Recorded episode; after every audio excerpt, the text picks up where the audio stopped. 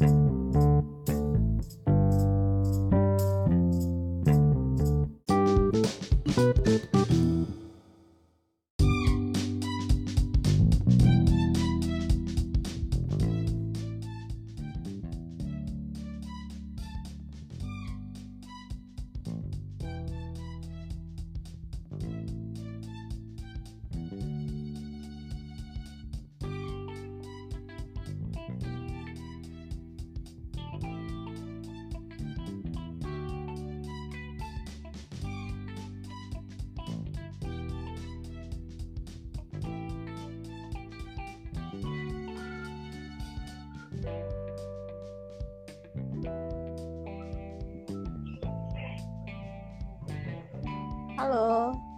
Halo, Chan. Yes. Halo. Apa kabar? Baik banget. Chandra apa kabar? Baik juga. Di rumah aja ya, Bu? Iya. Beginilah. Social distancing, physical distancing ya. Jadi Di rumah eh, aja. KBP juga WFH. Iya. Kita mengikuti uh, surat edaran Bapak Gubernur, jadi kita juga kerja dari rumah. Tapi kita tetap membuka layanan pada masyarakat, baik lewat online, jadi juga bisa lewat WA. Kalaupun ke kantor bisa, tapi ya kami bergiliran di kantor, jadi ada piket setiap hari satu orang. Jadi tetap ada kalau ada yang melakukan pengaduan. Jadi sistemnya piket ya. Biasanya seminggu Ya, kita sekali, Bu. piket. Gimana? Iya, karena kita ada berlima, jadi seminggu sekali satu, terus seminggu sekali eh, kita dapat giliran. Gitu. Jadi tetap kalau memang ada pengaduan tetap tidak lanjuti, gitu. Gitu Bu Chandra. Jadi topik kita malam ini eh, seperti yang sudah di eh, post di media sosial LBH Bali yaitu perlindungan anak pada masa pandemi. Ini adalah ngobrol di Instagram volume ke-9 jadi sudah edisi yang ke-9 selama masa eh, social distancing. Kita masih tunggu teman-teman yang lain buat gabung. Mungkin kita sambil ngobrol-ngobrol ringan dulu kali ya, Bu. Mm-mm. Jadi selama WFH ini kegiatannya ngapain aja? Kalau saya sih Ah, lihat post- posting tentang Mima. Ya tentu saja. Ya pertama dampingi anak karena ini juga belajar dari rumah ya. Kita kan juga selama ini kebiasaan, jadi lebih banyak anak mendengar dari sekolah. Tapi sekarang kita yang harus memang aktif mengajari anak di rumah, segala macam pelajaran yang harus diberikan gitu. Jadi mengerjakan tugas-tugasnya J5, kemudian juga karena dia hobi melukis, jadi juga dia suka melukis nih di belakang lukisan dia, jadi ya gitu. Jadi melukis setelah setelah belajar biar nggak bosan ya. Jadi itu yang biasanya kita lakukan gitu. Ya, melakukan yang selama ini memang kita kan sangat jarang ya. Selama ini kita kan selalu berpikir kapan kita punya waktu full buat keluarga, buat anak. Ternyata COVID ini membuat kita semua benar-benar full buat keluarga dan buat anak gitu. Selama ini kita sibuk di luar begitu ya. Jadi sekarang memang benar-benar full buat keluarga, buat anak gitu. Tapi tetap ada kerja-kerja yang harus dilakukan secara online gitu sih. Kalau kegiatan yang berkaitan dengan me time ada Bu, selain buat keluarga dan buat em, saya suka baca jadi me time paling baca ya karena kita nggak bisa pulang nggak bisa pulang kampung nggak bisa Eh, terus jalan juga tidak bisa. Jadi ya sudah baca aja beberapa buku yang kita suka gitu. Me time-nya paling itu aja. Waktu yang ideal buat habisin buku-buku yang belum selesai dibaca atau bahkan baca ulang buku-buku ya ya? ya tepatnya yang belum selesai dibaca.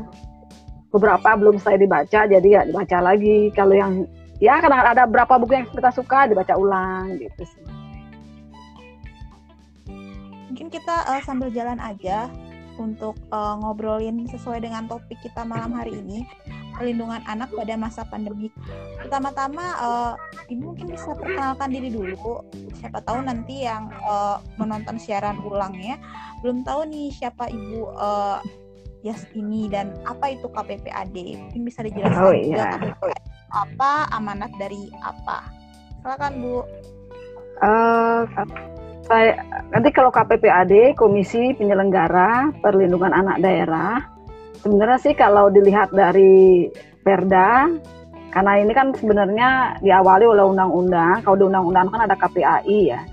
Di daerah dibentuklah KPPAD kami lebih pada fungsi-fungsi pengawasan gitu karena untuk fungsi-fungsi teknis layanan pendampingan sudah dilakukan oleh rekan-rekan kami dari P2 TP2A atau sekarang disebutnya UPTD PPA gitu. Nah, kalau kami lebih pengawasan bagaimana penyelenggaraan perlindungan anak itu bisa berjalan dengan optimal sesuai dengan Undang-Undang Perlindungan Anak. Jadi itu yang kita lakukan. Sehingga nanti tidak ada tumpang tindih dengan teman-teman kami di UPT, UPTD, PPA atau di P2 TP2A. Nah itu. Nah kalau saya sendiri, Nilo Gediasti ini saya memang lebih banyak saat ini dipercaya untuk membidangi uh, anak yang berhadapan dengan hukum, jadi anak yang berhadapan dengan hukum itu anak yang menjadi korban tindak pidana, anak yang menjadi pelaku tindak pidana dan anak yang menjadi saksi tindak pidana. Jadi jadi e, diminta untuk membidangi itu oleh teman-teman. Jadi memang selama beberapa tiga tahun ya. Jadi memang saya lebih fokus untuk anak-anak yang menjadi korban dan jadi pelaku tindak pidana. Begitu. E, KPPAD sendiri kita ada lima orang komisionernya. Jadi ada yang bidangi pendidikan, bidangi kesehatan, ada juga yang bidangnya pengasuhan, dan juga ada yang bidangnya hak sipil dan kebebasan. Jadi itu. Kita memang sampai di pengawasan itu kita lebih banyak koordinatif ya dengan dengan uh, penyelenggara perlindungan anak baik itu dengan dinas, juga dengan teman-teman CSO, juga dengan aparat penegak hukum. Jadi kemudian juga ada advokasi yang dilakukan. Jadi memang pengaduan tetap itu kita lakukan, tapi nanti pengaduan itu kita lihat apakah memang harus KPPAD sendiri yang akan e, menangani langsung, ataukah itu menjadi sebenarnya menjadi bagian kepoksi dari teman-teman kami di di, di apa di UPTD PPA atau di P2 TP2A. Jadi begitu sebenarnya di KPPAD. Bu Jadi Sandra. fokusnya kata kunci pengawasan itu ya Bu ya. Iya, lebih ke pengawasan sebenarnya kami. Sehingga nanti tidak tumpang tindih dengan teman-teman yang penyelenggara eh, apa namanya dengan teman-teman yang melakukan layanan langsung gitu dengan teman-teman yang tp 2 tp 2 Mereka yang layanan langsung. Gitu. Bentuknya pun adalah uh, komisioner jadinya.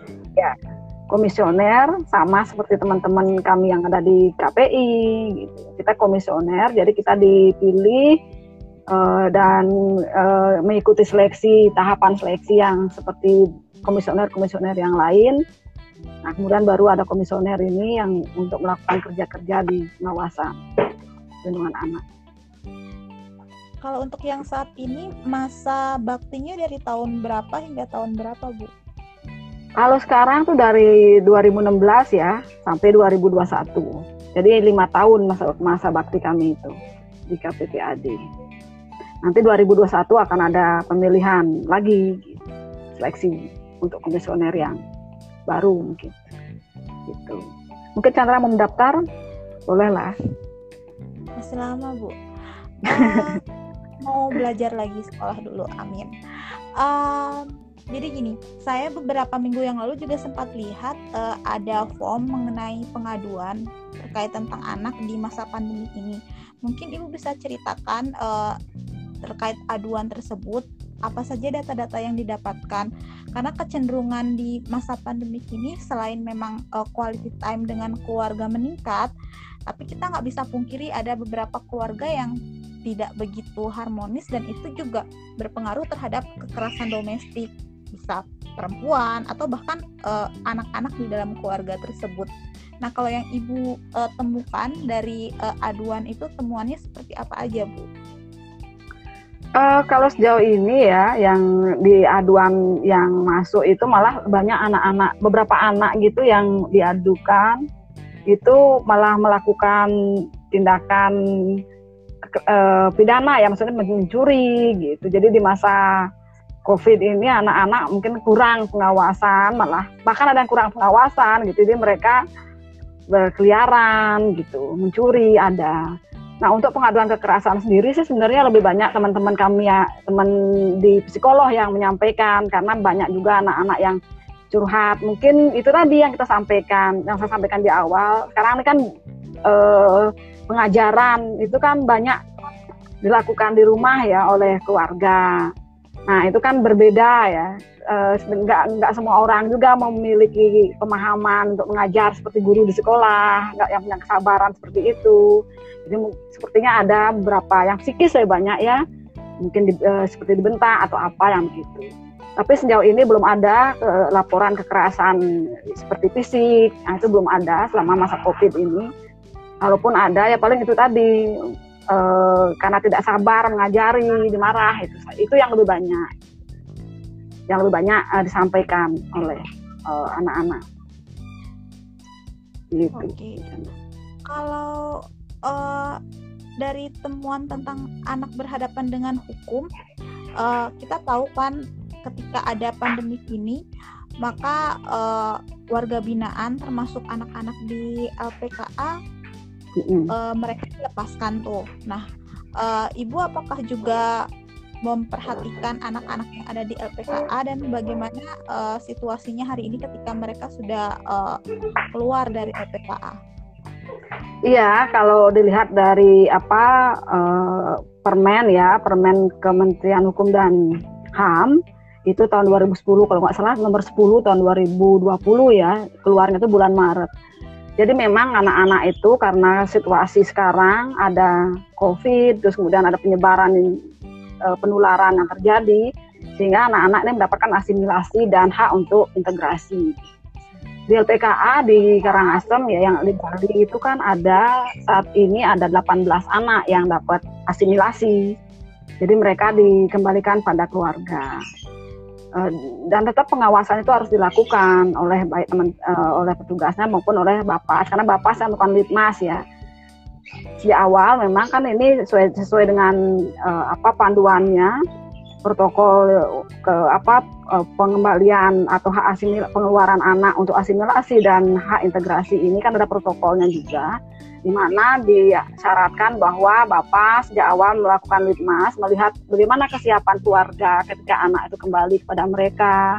Ketika ada keluarga yang ada persoalan psikologi harus ada dukungan psikologi sehingga untuk ini melibatkan banyak pihak. Sebenarnya Bapak, kemudian ada Peksos dari Dinas Sosial, kemudian juga ada Dinas Kesehatan yang juga harus memeriksa kesehatan anak-anak yang masih harus ada di LPKA karena untuk asimilasi sendiri kan ada syaratnya ya yang harus dipenuhi siapa yang boleh mendapatkan asimilasi dan kemudian reintegrasi. Sejauh ini komunikasi saya dengan uh, teman-teman di LPKA, tugas di LPKA, anak-anak yang isolasi berjalan dengan baik, tidak ada laporan lagi mereka melakukan melakukan pelanggaran. Dan untuk anak-anak yang di dalam sendiri yang masih di dalam, itu eh, juga tetap ada kontrol kesehatan dari petugas kesehatan yang ada di PKA dan untuk kunjungan keluarga memang saat ini dibatasi. Tapi anak-anak diberikan ruang untuk video call komunikasi dengan keluarga. Karena hak juga mereka harus tetap bisa diberikan ruang untuk komunikasi dengan keluarga gitu. tapi ya dibatasi langsung. Melalui, melalui video call mereka bisa berkomunikasi dengan keluarganya. Lewat WA mereka bisa komunikasi seperti itu kondisi saat ini dengan anak-anak yang ada di LPKA maupun yang ikut asimilasi ada 18 orang anak yang dapat asimilasi kemarin dari LPKA gitu. Kalau yang biasanya ada beberapa yang dititipkan di uh, eh, LP ya Bu di Kerobokan. Apakah Ibu juga sempat cek eh, anak-anak yang ada di situ dan bagaimana kondisi mereka kalau yang ada di sana? Kalau untuk anak-anak yang ada di sana, kalau misalnya mereka sudah mendapat dipidana, gitu, misalnya sudah dijatuhi vonis, mereka harus masuk ke LPKA di Karangasem.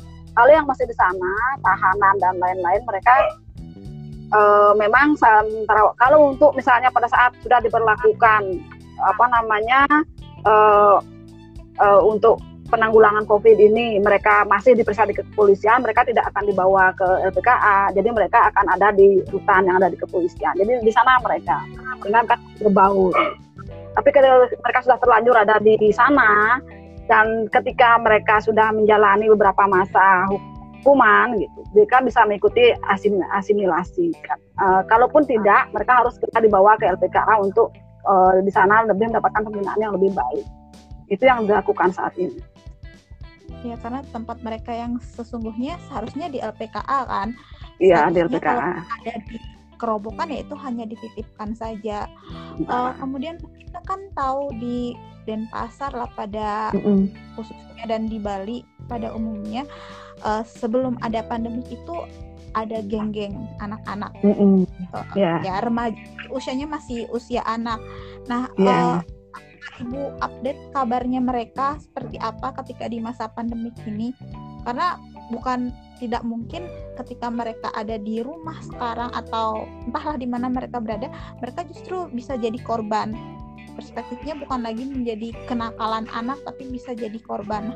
Uh, kalau kabar tentang anak-anak geng-geng di kota Denpasar itu seperti apa, Bu?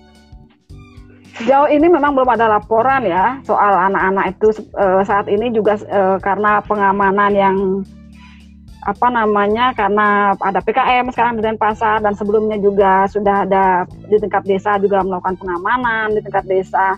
Saat ini memang tidak tidak begitu banyak merebak uh, untuk geng. Awal-awal iya memang sempat awal-awal sempat berlakuan apa namanya belajar dari rumah sempat ada anak-anak yang malah bermain apa namanya datang ke tem ke tempat wisata gitu. Ada jadi mereka main ngegeng tapi setelah ada beberapa kali penertiban dan diawasi dengan benar uh, dari tingkat desa sejauh ini saya sebenarnya belum mendapatkan laporan lagi soal ada anak-anak yang ber yang ngegeng gitu ya. Yang terakhir kemarin yang ngegeng itu saya dapat di bulan akhir Maret ya jadi mereka yang itu yang yang mencuri. Setelah itu belum ada lagi laporan uh, yang di yang saya dapatkan berkaitan dengan anak-anak yang biasanya ngegeng di jalan itu. Sampai sampai saat ini ya. Mungkin Chandra kalau ada informasi bolehlah diinfokan gitu. Biasanya sih saya diinfokan uh, kalau ada anak-anak yang melakukan tindakan pidana gitu diinfokan oleh polisian atau oleh teman-teman P2 TP2A yang mendampingi gitu.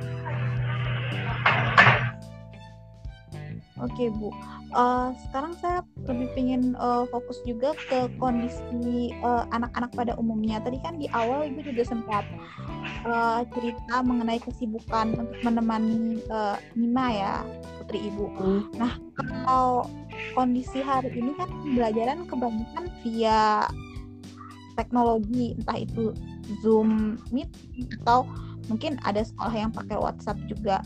Uh, Ibu sempat uh, update mengenai bagaimana uh, privasi anak di uh, media sosial atau teknologi karena ya sekarang sudah tidak tidak bisa dihindari lagi nih uh, terkait privasi anak. Yang mana saya tahu ibu juga sebenarnya konsen tentang uh, privasi anak di media sosial biasanya.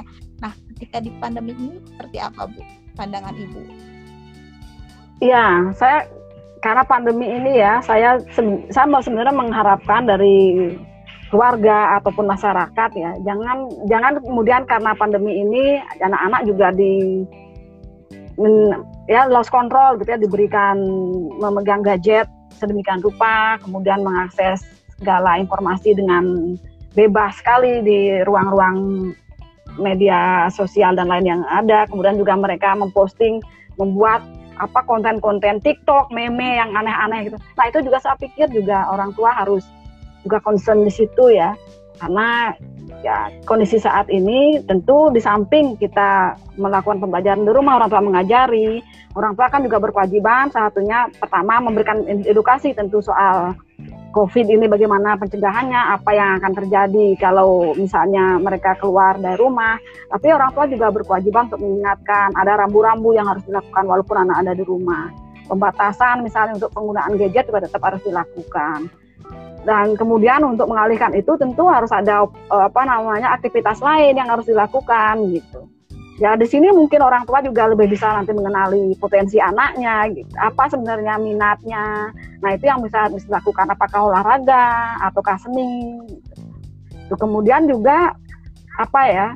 Karena kalau ngomong soal privasi anak, kalau kita melihat saat ini ya, anak-anak bayi itu sudah punya media medsos gitu. Uh, sudah dibikinkan medsos untuk endorse bu. Uh, saya pikir kan, tapi itu kan uh, orang tuanya ya orang tua tapi kan juga harus memikirkan e, bagaimana dampak ke depan bagi anak. Kalau saya pribadi memang tidak saya tidak membiarkan atau tidak mengupload di Mima sedemikian rupa ya, wajah dan lain-lain gitu. Mungkin saya selalu mengambil di belakang, membelakangi atau tidak terlihat wajah. Karena saya kira ini ini bagian privasi menunggu anak sampai siap waktunya dia sendiri merasa siap untuk mempublis dirinya untuk menunjukkan dirinya ya baru silahkan. Tetapi kalau untuk saat ini saya tidak memang. Dan saya berharap sebenarnya orang tua juga uh, itu pilihan orang tua untuk mempublis anaknya atau enggak gitu ya. Tapi yang penting adalah edukasi tentang media, penggunaan media sosial, penggunaan gadget itu tetap harus dilakukan. Pembatasan, kontrol untuk penggunaan-penggunaan gadget di masa ini juga tetap harus dilakukan.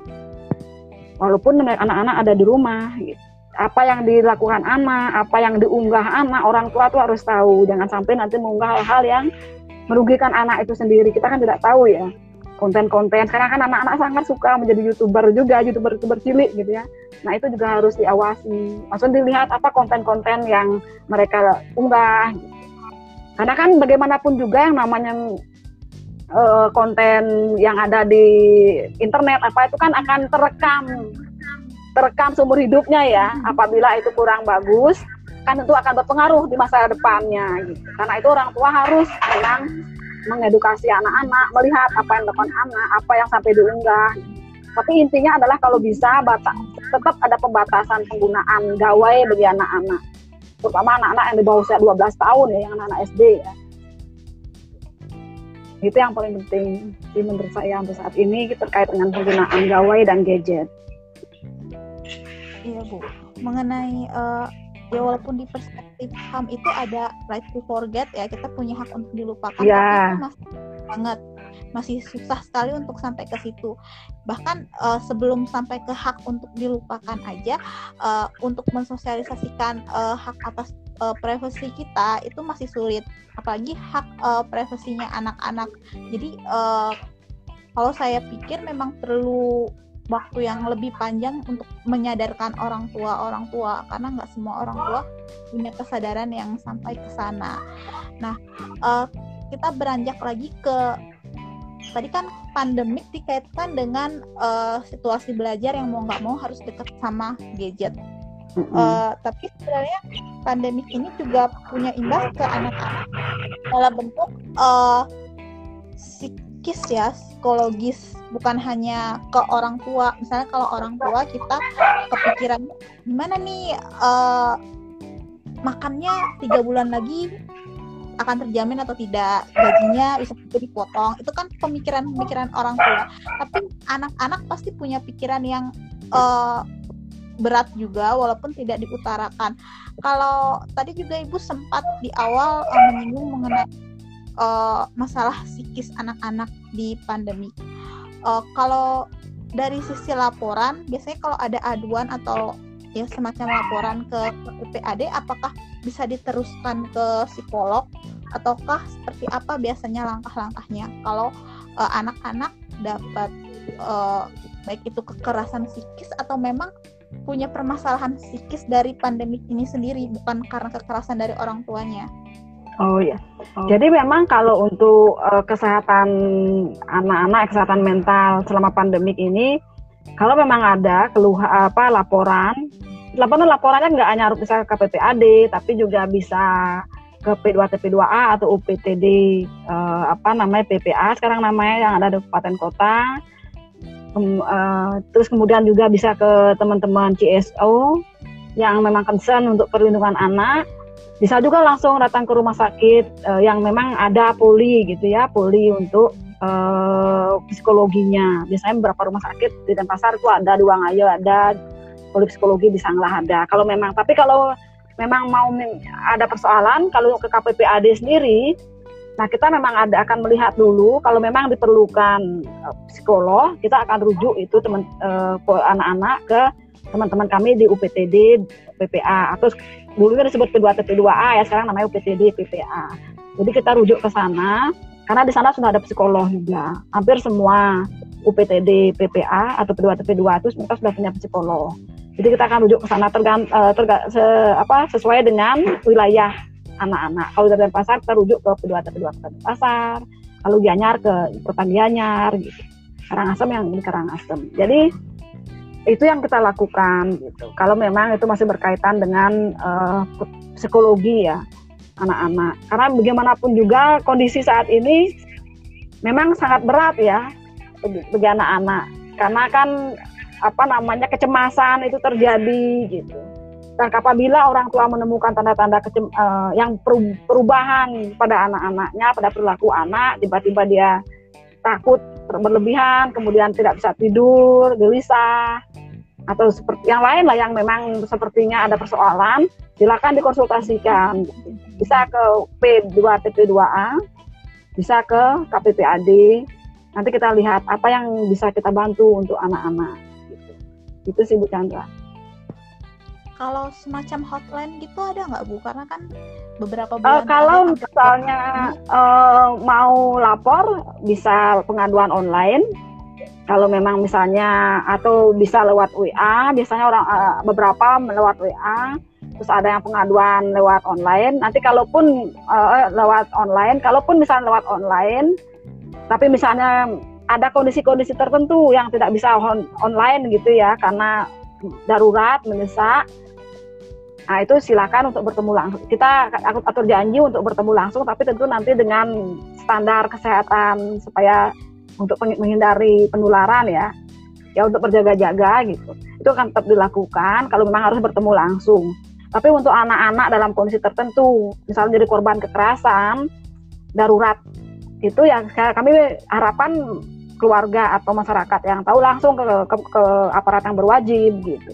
Tapi kalau untuk psikologi yang memang diperlukan harus bertemu langsung ya tinggal kita atur janji untuk bisa bertemu gitu. jadi kita akan bertemu, bisa bertemu langsung dengan standar-standar ya penggunaan masker dan lain-lain gitu lah ya. Karena ada kondisi-kondisi tertentu yang dia memang mengharuskan kita untuk bertemu gitu. Untuk anak itu bertemu dengan kita. Demikian juga untuk standar protokol, uh, untuk protokol anak-anak ketika mereka harus apa namanya mendapatkan penanganan nanti dari teman-teman P2 TP2 itu juga akan melakukan hal yang sama. Apakah harus bertemu langsung ataukah bisa lewat uh, online misalnya gitu. Kan harus lihat kondisinya. Sudah ada uh, standar-standar atau protokol yang disiapkan untuk ketika anak menjadi korban ketika anak uh, menjadi pelaku gitu. Sehingga nanti uh, tetap kita menjamin kesehatan anak dan juga kesehatan orang-orang yang ada di sekitar kita gitu. Itu Bu Chandra. Pertama uh, tetap memungkinkan via atau bisa. online. Tapi kalau ya. ternyata uh, urgent uh, mau mm -hmm. tidak mau harus ketemu tapi tetap harus ikutin protokol yeah. yang berlaku. Ya uh, ya pakai masker cuci tangan ya ada email resmi nggak sih bu? Uh, kalau selama ini kan saya lihat uh, form.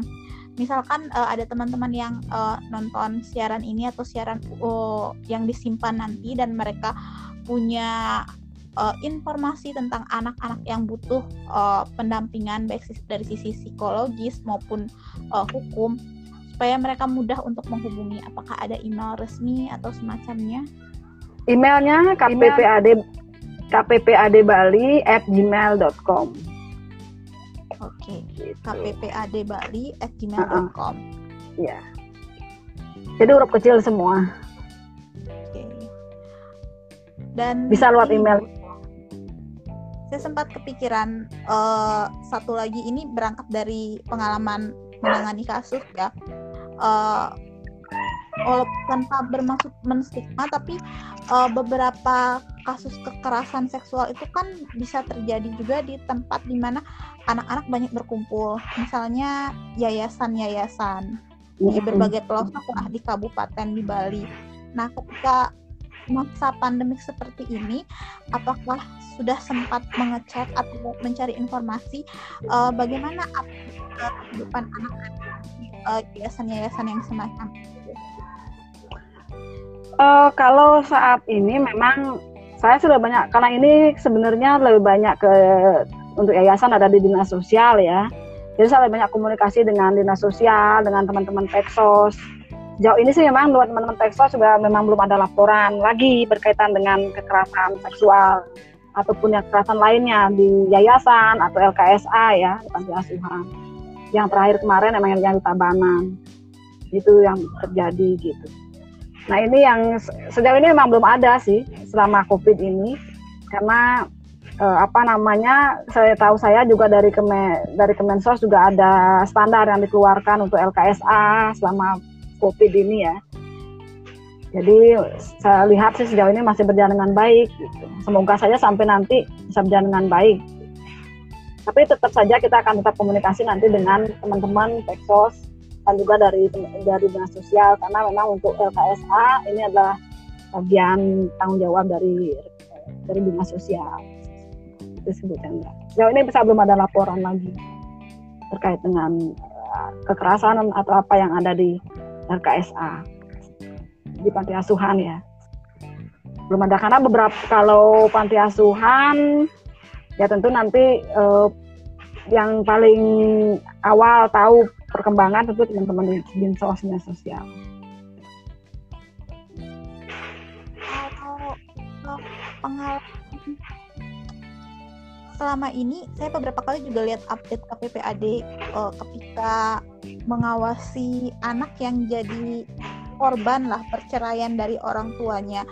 Uh, apakah KPPAD juga sudah mulai mengantisipasi? Ini sih bacaan saya aja, tapi bisa jadi ketika yeah. ke depannya mungkin nggak bulan-bulan ini dua tiga bulan lagi karena sekarang orang sering berkumpul ya di rumah itu juga ada kemungkinan meningkatkan uh, tendensi perceraian. Nah, ke depannya mungkin aja anak-anak kembali jadi korban orang tua berebut. Nah, uh, eh, KPPAD sendiri sudah mulai memperkirakan tidak uh, akan ada lonjakan yang seperti itu.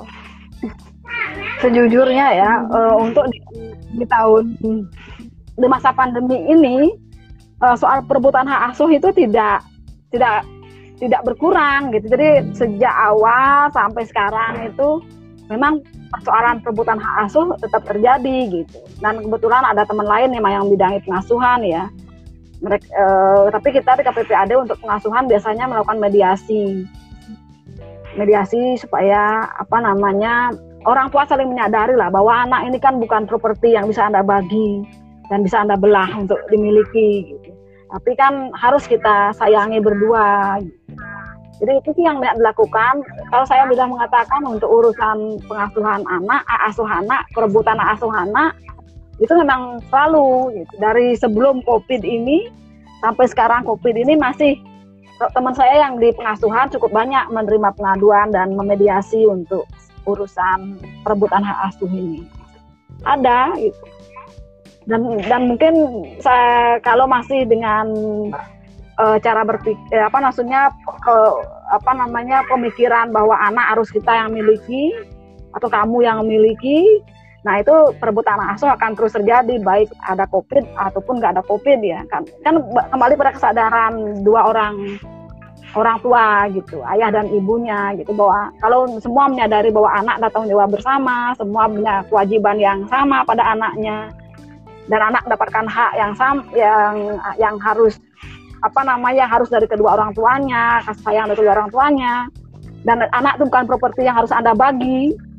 Nah itu seharusnya persoalan ini hak, perebutan hak asuh ini tidak perlu terjadi. Tapi memang perebutan hak asuhnya terjadi. Baik sebelum covid maupun ya mungkin nanti akan tetap begini. Itu, itu kesadaran sih menurut saya. Kesadaran orang tua bukan karena covid saja Sandra tapi ya kesadaran dari kedua orang tua. Ketika berpisah itu ya mereka harus harus menyadari ya bahwa anak ini harus mereka tanggung bersama, mereka sayangi bersama gitu. Intinya mereka anak nggak nggak bisa bukan properti lah yang harus anda tarik sana tarik sini yang bisa anda eksekusi atau apa gitu. Nah itu harus dipahami Iya, tapi karena kasus kan oh, PR memang makin banyak kayaknya apalagi sekarang kan kesusahan ekonomi segala macam gitu. Tapi ya itu memang kalau berkaitan dengan hak asuh anak perebutan hak asuh itu saya eh, itu sering itu hampir setiap bulan itu mesti ada aja pengaduan soal itu.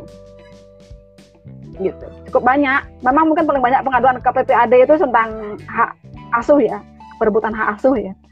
Paling banyak itu gitu.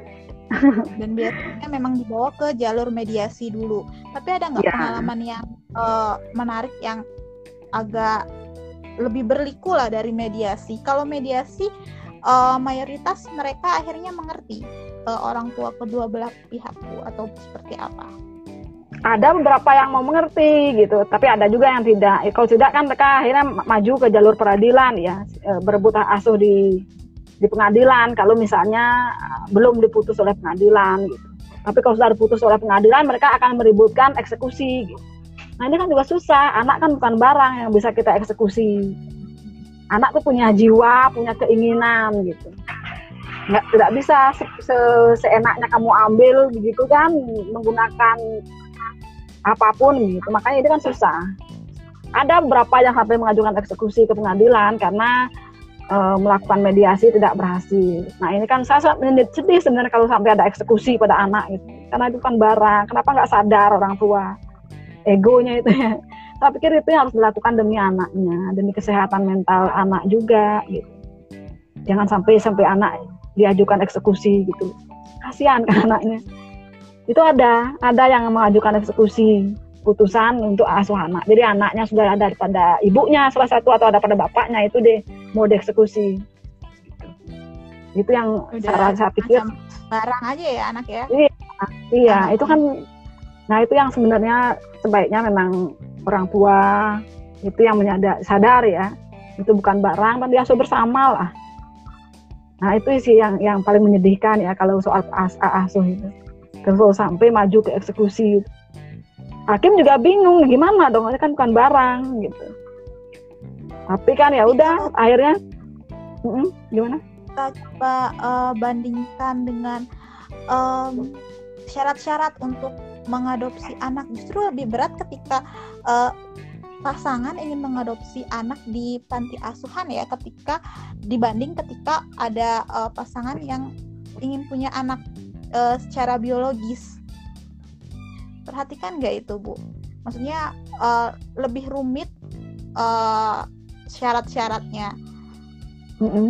Mm -hmm. Uh, ada nggak uh, korelasi uh, seperti itu? Uh, saya sih nggak sampai sejauh itu ya melihatnya tapi memang kalau untuk adopsi anak memang kan syaratnya memang harus diperketat karena banyak juga uh, kejahatan dengan cara-cara adopsi dan lain-lain gitu. Makanya kan harus dipastikan bahwa benar orang orang yang akan mengadopsi ini adalah orang-orang yang bertanggung jawab, orang yang akan mampu menghidupi anak dengan baik. Ya memang harus diperketat karena saya khawatir juga kalau sampai terlalu ini ya, kalau terlalu bebas atau terlalu tidak eh, apa namanya eh, adopsi itu bisa dilakukan sesukanya gitu. Nah itu kan kita nggak tahu karena banyak sekali sekarang ada perdagangan anak dan lain-lain yang bisa terjadi gitu. Sebenarnya sih saat adopsi kalau diikuti sih tidak terlalu berat ya. Maksudnya kita mengajukan ke, ke dinas sosial, kemudian mengikuti beberapa prosedur yang harus dilewati gitu. Iya. Ya, yang sebenarnya uh -uh. perlu juga ketika pasangan muda ingin mempunyai ingin berketurunan mm -hmm. secara biologis untuk uh, memenuhi checklist yang sama seperti checklist yang dipenuhi oleh uh, orang tua yang mengadopsi anak. Ataukah uh, ketidakmatangan berpikir uh, orang tua biologis munculnya dari ya lebih mudah. Karena pengen punya anak ya ya sudah punya anak aja sendiri. Dan mereka uh, berujung menganggap anak lebih ke fungsi ekonomi. Kalau menganggap anak properti itu kan berarti kurang lebihnya sama dengan menganggap anak sebagai fungsi ekonomi tidak harus menyuruh anak itu bekerja tapi memperebutkan punya harapan di masa depan terhadap anak tersebut. Nah, kalau pandangan ibu sebagai komisioner KPPAD seperti apa?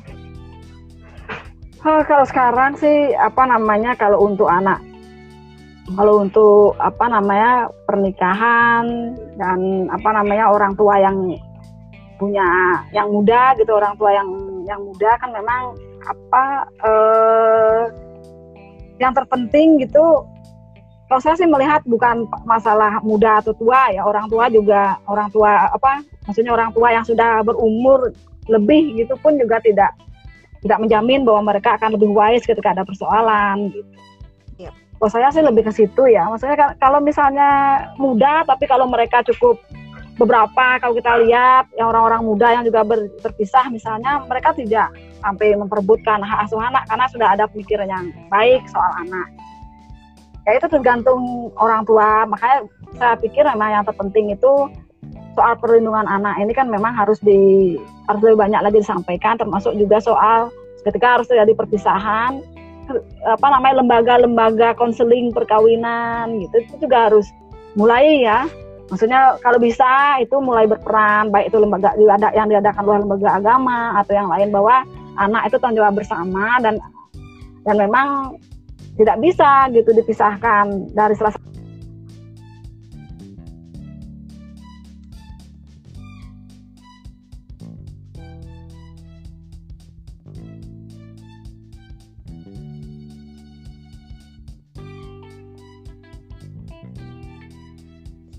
ada konseling dulu, konseling apa namanya kalau di luar aku nggak tahu juga ya pastinya tapi kalau lihat di film-film sih mereka ada lembaga-lembaga konseling gitu ya konseling perkawinan gitu. Oh ya ini bisa atau tidak bisa di, di, disampaikan juga soal anak seperti apa. Nah itu kan akan baik juga gitu kalau itu bisa bisa dilakukan sehingga anak tidak menjadi perebutan dan semua punya ini yang sama karena umur tidak mempengaruhi orang akan lebih wise atau tidak wise. Banyak kok yang ini yang sudah cukup berumur tapi mereka tidak juga sama memperebutkan. Gitu. tapi ada banyak juga yang muda-muda tapi mereka cukup wise bisa bersama-sama mengasuh anak. Gitu. ya itu sih. kematangan iya ya, kematangan tidak tergantung usia. Nggak berbanding lurus sama iya sama usia sama tua tidaknya. Ya. tapi ya ber berpikir mm -mm, itu um, sih menarik kalau karena kalau ah, masalah anak bisa spektrumnya luas terkait juga tentang psikis yeah. anak lalu uh, psikisnya juga bukan hanya psikis si anak tapi juga si orang tua kedua orang tua belum lagi latar belakang dari orang tua latar belakang keluarga yeah. soalnya apa ya uh, kalau misalnya kalau dilihat kan memang uh, kita nggak nggak ada sekolah menjadi orang tua. Kita kan semua belajar dari pengalaman masa dulunya. Orang tua saya belajar dari ibu saya. Chandra juga nanti akan belajar dari uh, belajar dari apa yang dilakukan oleh ibu. Tapi kan kemudian setelah kita uh, punya pengalaman gitu mendengar melihat dan kemudian dan mencari tahu kan ada hal-hal yang memang baik sekali untuk kita tiru apa yang dilakukan oleh ibu kita. Kan begitu ada juga mungkin hal-hal yang mungkin tidak perlu kita lanjutkan gitu. Nah sama seperti kekerasan yang terjadi beberapa orang kan menganggap beberapa orang tua menganggap bahwa ketika dia memukul anaknya melakukan sesuatu itu hal yang biasa aja gitu. Kita dulu dia diperlakukan begitu oleh ibunya dan dia terima aja gitu. Sehingga dia mengulangi. Sehingga kekerasan itu kan banyak apa berulang seperti rantai ya. Jadi terus berulang dari generasi ke generasi. Tapi dengan pembelajaran, dengan edukasi, pemahaman yang lebih. Jadi orang kan akan lebih memahami, menyadari bahwa itu bukan hal yang baik. Hal yang dulu kita pelajari tidak semuanya mungkin bisa kita aplikasikan ke sekarang ke depan gitu. Ada hal yang baik yang bisa diaplikasikan, ada yang tidak baik nggak, usah itu diambil gitu tapi kita carikan gunakan hal-hal baru nah, saya pikir itu yang memang harus dilakukan sekarang edukasi soal kesadaran itu bahwa kekerasan tidak akan menyelesaikan masalah. Kayak gitu-gitu sih yang menurut saya memang perlu dilakukan ketika ngomong soal orang tua dan uh, pengasuhan uh, pada anak baik di masa pandemi ini ataupun di luar itu ya dalam keseharian. Ya pengalaman saya juga sih. Nah seperti itu. Dan ini juga nggak sih bu kesadaran bahwa uh, untuk mengasuh satu anak itu sebenarnya memerlukan satu desa ya kan? Kalau pernah dengar uh, ungkapan ya uh, it takes a village to uh, raise a children jadi bukan bukan hanya kedua orang tua tapi ya orang-orang yang di sekitarnya orang-orang dewasa terutama punya um, tanggung jawab terhadap si anak. Nah ini yang sering dilupakan kalau yang saya lihat polanya terhadap anak-anak berhadapan dengan hukum atau anak yang uh, dianggap melakukan kenakalan remaja, kenakalan anak itu karena ya kita yang mengabaikan masyarakat orang dewasa yang mengabaikan bukan hanya orang tuanya saja yang mengabaikan. Ya ini kan kalau bicara soal anak itu tanggung jawab untuk anak itu kan sangat ini ya sangat apa namanya sebenarnya menjadi tanggung jawab banyak banyak pihak gitu ya. Yang pertama kan tentu adalah keluarga sebagai orang yang paling dekat sama anak kemudian kan ada di luar itu ada keluarga besar kita. Kemudian ada juga masyarakat. Setelah itu ada masyarakat yang harus ikut bertanggung jawab untuk itu. Tapi kan apa namanya diperlukan sebuah kesadaran. Orang harus di apa namanya diedukasi untuk peduli gitu. Bahwa anak kita bahwa anak ini adalah anak kita bersama. Harus kita lindungi bersama gitu karena kan eh, sikap-sikap yang apa kenapa anak kemudian menjadi banyak melakukan tindakan dan dibiarkan itu kan karena apa namanya sikap apatis ya. Jadi ya udahlah itu kan anak orang apaan gue peduli gitu. Nah itu yang memang harus di kembali dikembalikan lagi seperti sebelumnya bahwa kita memandang bahwa anak yang ada di sekitar kita ya anak kita bersama yang harus kita lindungi diingatkan kalau ada hal-hal yang memang harus mereka tahu diberikan karena kan anak-anak juga tidak tahu banyak hal mereka hanya melakukan apa yang ingin mereka lakukan gitu. Mereka berpikir itu baik apalagi meniru bahwa ada orang melakukan itu mereka meniru. Sepertinya itu bagus. Sepertinya itu keren. Kan anak suka itu keren gitu ya. Wih gua kalau ngegeng motor gerang-gerang gitu keren banget gitu kan. Tapi kan itu hal yang tidak baik. Sehingga memang harus ada uh, informasi yang diberikan pada anak-anak dan diawasi bersama Nah setelah itu baru ada pemerintah kan, pemerintah kan juga berkewajiban untuk membuat aturan-aturan supaya berjalan dengan baik dan juga kan ketika ada pelanggaran penegakan hukum harus dilakukan baru bisa baru bisa berjalan. Kalau kata orang hukum kan substansi, struktur dan kultur. Uset dah Bu, Bu Chandra bagaimana? Jadi kan ke struktur apa substansi kan jelas aturan sudah ada, strukturnya bergerak atau tidak, menjalan, kemudian ada kultur kan, kultur kan berkaitan dengan masyarakat dan kesadaran masyarakat untuk itu. Saya pikir itu yang memang e, apa namanya yang memang harus dilakukan masyarakat. Saya lihat sekarang saya juga cukup banyak ya beberapa. Saya lihat e, sebelumnya LBH juga e, melakukan apa berusaha menyusun prarem gitu untuk bagaimana masyarakat ikut terlibat aktif dalam upaya perlindungan anak baik mereka yang menjadi korban maupun anak-anak yang menjadi pelaku kan itu sangat nah. bagus ya untuk bisa dilakukan. Dan di maksudnya di disebarluaskan gitu sehingga lebih banyak lagi anak-anak yang bisa terlindungi. Mulai dari warga kemudian skup terkecil kalau di Bali itu des adatnya juga ikut melindungi anak-anak gitu. Itu bagus. Nah saya pikir LBH harus um, uh, terus melakukan itu uh, apa namanya mendorong lebih banyak pihak untuk untuk apa namanya untuk mau terlibat aktif gitu. Ya kalau kita di Bali ini desa adat mau terlibat aktif, tapi tentu juga e, kalau ada kesalahan e, sanksi yang diberikan pun harus sanksi yang membina, bukan eh, sanksi-sanksi yang diberikan pada orang-orang dewasa ya.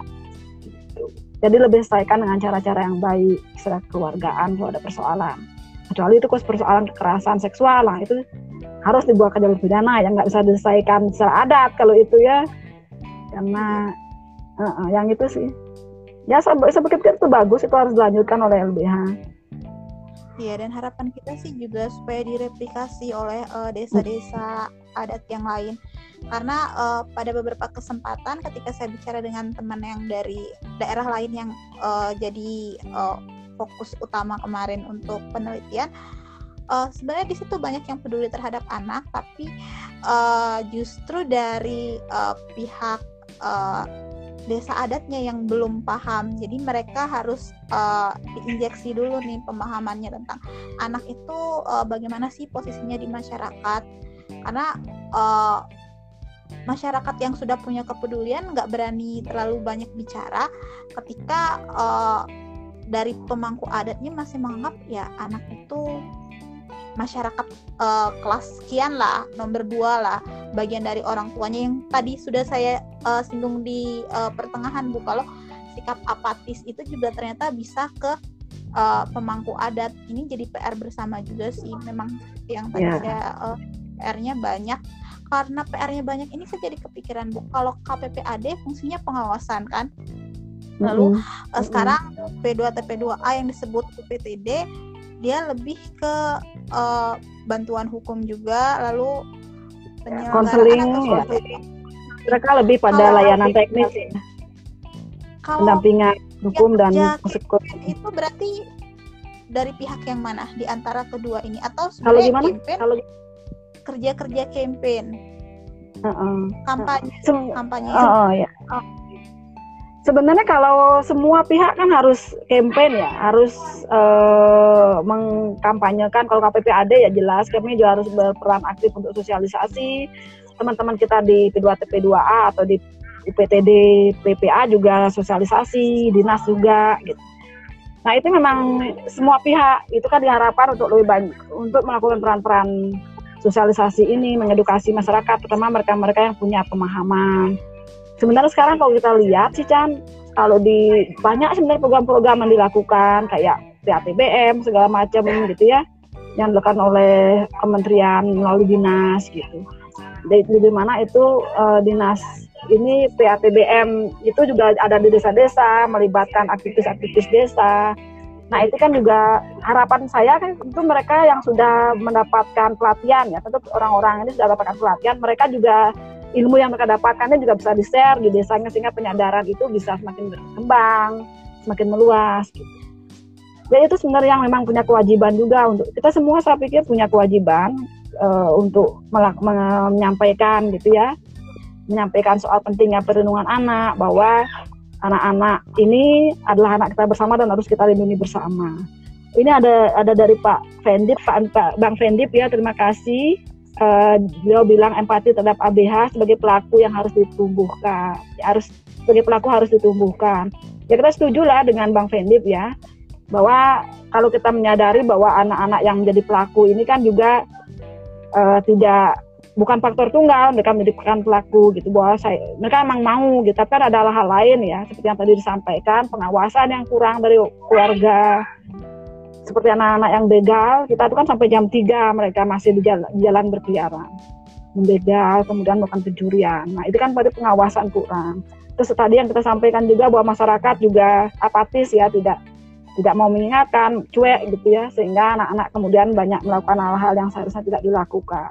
Sehingga eh, ABH anak yang berkonflik dengan hukum ya yang menjadi pelaku ini juga memang harus mendapatkan penanganan khusus gitu ya kalau sebelumnya kan beberapa anak itu sampai harus dikonseling ya karena um, saya kemarin sebelumnya pernah melakukan kerjasama dengan uh, dengan psikiater gitu. Jadi anak-anak yang berhadapan dengan hukum, yang berkonflik dengan hukum ini, uh, itu kita coba lakukan, kita lakukan konseling psikologi kemudian juga orang tua juga dilibatkan di konseling juga saat itu. Dan beberapa anak diberikan obat karena ternyata mereka mengalami gangguan trauma yang menyebabkan mereka tidak percaya diri. Kemudian mereka mencari teman di luar dan temannya mengajak mereka melakukan uh, ya apa melakukan tindakan pidana. Akhirnya mereka menjadi apa namanya uh, menjadi apa uh, menjadi ABH ya menjadi anak yang berkonflik dengan hukum itu Nah itu kemudian yang kita lakukan juga sempat. Dan saya pikir itu bagus karena kita ingin bahwa orang tua juga menyadari apa yang terjadi pada anak juga adalah kontribusi orang tua ya. Kontribusi orang tua yang tidak care eh, mungkin kurang mengawasi anak. Kemudian juga masyarakat yang tidak peduli. Kemudian ada beberapa anak-anak yang mengalami trauma di masa kecil. Itu juga kita kasih obat waktu itu eh, sama ibu dokter Sri ya yang waktu itu mencoba untuk uh, apa namanya um, melakukan terapi uh, dan juga pemulihan bagi anak-anak yang berkonflik dengan hukum ini. Dan itu hasilnya cukup, cukup baik ya. Jadi anak-anak itu bisa kembali dan mereka tidak melakukan lagi uh, apa yang pernah dilakukan gitu sebelumnya. Kemudian mereka juga bisa kembali ke masyarakat. Ada yang juga sudah kembali dengan pendidikannya gitu. Itu bagus saya pikir ke depan itu memang perlu dikembangkan ya. Jadi anak-anak yang ABH ini yang anak yang berkonflik dengan hukum ini jangan hanya selesai dengan mekanisme pemidanaan gitu. Tapi kan juga harus dilihat juga psikologinya.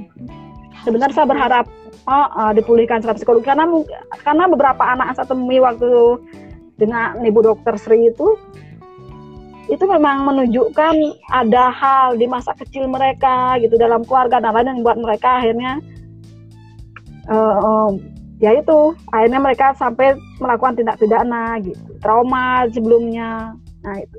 Nah, karena beberapa orang harus diberikan obat. Saya, saya pikir ini penting gitu ya buat anak-anak gitu. ya karena tadi itu bahwa ketika anak melakukan tindakan-tindakan pidana atau pelanggaran itu itu bukan karena faktor tunggal bahwa anak tuh pengen anak tuh memang kalau kata orang ayo nakal itu enggak bukan karena itu tapi karena ada hal-hal lain di, di luar dirinya juga yang membuat dia melakukan itu gitu. kayak itu ya. penting kesadaran kalau anak siapa pun itu adalah anak kita bersama anak yeah. anaknya masyarakat dengan kesadaran itu akan lebih memudahkan sebenarnya untuk uh, memahami posisi anak bahwa anak yang disebut anak berhadapan dengan hukum, anak sebagai pelaku itu sebenarnya adalah korban, korban dari yeah. situasi, korban yeah. dari keadaannya. Uh, mm-hmm. Saya jadi teringat satu hal ketika ibu tadi juga menyinggung tentang APBN di hampir di setiap provinsi di setiap daerah selalu punya forum anak daerah. Nah, uh, saya ingin mengangkat isu representasi sih bu. Maksudnya sejak saya masih anak-anak pun yang saya lihat anak-anak yang masuk ke dalam forum tersebut adalah anak-anak yang kalau diistilahkan sekarang adalah anak ambi yang ambisius yang berprestasi. Padahal anak tidak semuanya seperti aku itu. baru tahu aku anak ambi. Harusnya ada anak yang uh, mungkin ya anak yang kurang beruntung lah anak dari kelompok termarginalkan atau misalnya anak dari daerah terdampak misalnya di Bawang lalu anak dengan disabilitas bukankah representasi itu penting ya? Kalau tanggapan ibu melihat uh, wadah forum itu seperti apa? Ya oke okay, memang mereka punya punya empati. Ini tidak menihilkan mm -hmm. empati anak-anak mm -hmm. tersebut. Mungkin mereka datang ke LPKA lalu ngobrol. Tapi kan itu jatuhnya jadi charity aja. Tanpa representasi saya pikir ada yang kurang Ya, uh, saya uh, se sebenarnya tertarik ya dengan apa namanya pelibatan anak-anak. Uh, apa yang saya pikir sebelumnya juga sempat ya kita membuat sebuah uh, apa namanya pemikiran waktu saya masih di LBH sempat berpikir untuk membuat sebuah forum ya. Forum anak yang memang isinya itu dari adik-adik kita yang uh, disabilitas, terus juga dari anak-anak yang termarginalkan, ada ya anak-anak yang sering di jalanan gitu. Dan pernah saya bikin waktu itu waktu saya di LBH pernah bikin sebuah forum apa namanya forum diskusi ya melibatkan anak-anak itu jadi itu ada anak-anak yang uh, yang yang buta ada anak-anak yang dengan bisu tuli dan ada juga anak-anak yang apa yang anak-anak yang sering di jalanan gitu kita kumpulkan mereka gitu. Itu sebenarnya bagus ya. Saya berpikir memang e, representasi mereka itu penting. Tapi ya sejauh ini saya melihat memang kap, apa namanya kita boleh mendorong bahwa itu harus disuarakan ya. Maksudnya kita dorong bahwa representasi ini penting representasi anak-anak yang lain ini penting dalam forum-forum anak. Termasuk juga dalam pengambilan keputusan kan tetap anak-anak yang disabilitas kemudian anak-anak yang lain yang rentan ini kelompok-kelompok rentan atau kelompok yang termarginalkan ini juga diberikan ruang untuk menyampaikan pendapat, diberikan menyampaikan apa yang mereka inginkan. Tapi ya mungkin kita harus kita harus didorong gitu Chan supaya eh, apa namanya ada bagaimana caranya supaya pelibatan anak-anak yang lain ya yang disabilitas atau yang termarginalkan ini juga bisa aktif gitu dalam forum-forum anak yang ada. Nggak hanya forum anak daerah mungkin tapi juga forum-forum lain. Itu apakah masuk di dalamnya atau seperti apa. Jadi mungkin tidak hanya sekedar seperti yang Chandra bilang nggak hanya sekedar program kegiatan gitu ya ketika anak-anak itu terlibat tapi benar-benar mereka bisa. Ya itu bagus sih. Saya pikir itu memang yang harus kita coba kita ini ya, coba kita dorong juga untuk bisa bagaimana supaya pelibatan anak-anak ini juga mereka juga anak-anak kita dan mereka juga harus didengar gitu. Mereka juga harus juga juga e, berhak untuk memberikan kontribusi pemikiran dalam setiap putusan yang dibuat dalam setiap program yang dibuat.